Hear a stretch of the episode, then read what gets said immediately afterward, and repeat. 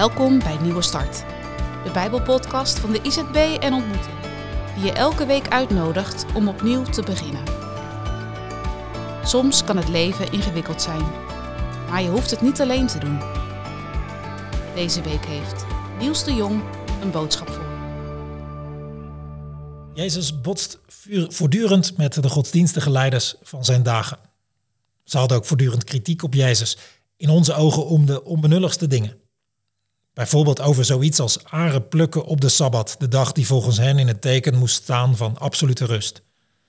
Ze hadden sommige regels erover uit hun Bijbel gehaald, maar er ook allerlei regels aan toegevoegd. Laten we even het verhaal lezen uit Marcus 2. Eens liep Jezus op een Sabbat tussen de korenvelden door. Zijn leerlingen gingen de velden in en begonnen aren te plukken. Kijk eens, zeiden de fariseeën tegen hem, waarom doen ze iets dat op Sabbat niet mag?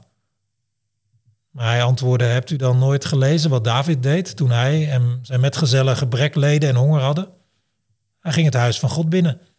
Abjatar was toen hoge priester en at van de toonbroden, waarvan alleen de priesters mogen eten. En hij gaf ze ook aan zijn mannen te eten. En Jezus voegde eraan toe, de Sabbat is er voor de mens en niet de mens voor de Sabbat.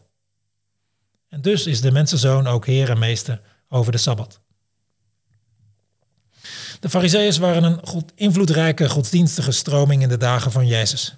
Ze hadden geen officiële macht, maar wel veel invloed. ze hadden een uitgebreid systeem van geboden en verboden waar ze zich aan hielden. Die honderden regels waren er volgens hen niet alleen voor gevorderden, maar het was belangrijk dat iedereen ze hield. Want als Gods volk zich eindelijk aan Gods regels zou houden, dan zou dat vast heel veel ten goede doen keren. Misschien zou God dan eindelijk eens ingrijpen via zijn beloofde Messias. En daarom zijn die godsdienstige leiders zo fanatiek. En als een soort religieuze handhaving spreken ze mensen aan om mensen ertoe te bewegen zich alsnog aan alle regels te gaan houden. En godsdienstige leraren die het minder serieus nemen of hun extra regels uh, niet uh, aanvaarden, zulke mensen kunnen ze slecht hebben. Die verpesten het voor iedereen. Want dat ingrijpen van God via zo'n Messias kan dan misschien alleen maar langer gaan duren. En Jezus is in hun ogen zo'n leraar die het niet zo nauw neemt met de regels. En zijn onderwijs is dus gevaarlijk. En ze spreken hem erop aan dat zijn volgelingen zich niet netjes gedragen volgens hun regels. Want als die volgelingen van Jezus op een keer tussen de korenvelden doorlopen en wat aren plukken, dan zeggen ze daar wat van. Dat is volgens hen arbeid. En arbeid is niet toegestaan op de Sabbat. Jezus laat deze opmerkingen niet lopen, maar gaat de discussie aan.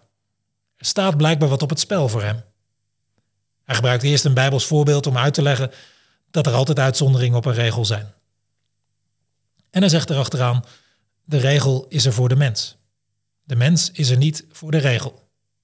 Oftewel, het handhaven van regels moet niet ten koste van mensen gaan.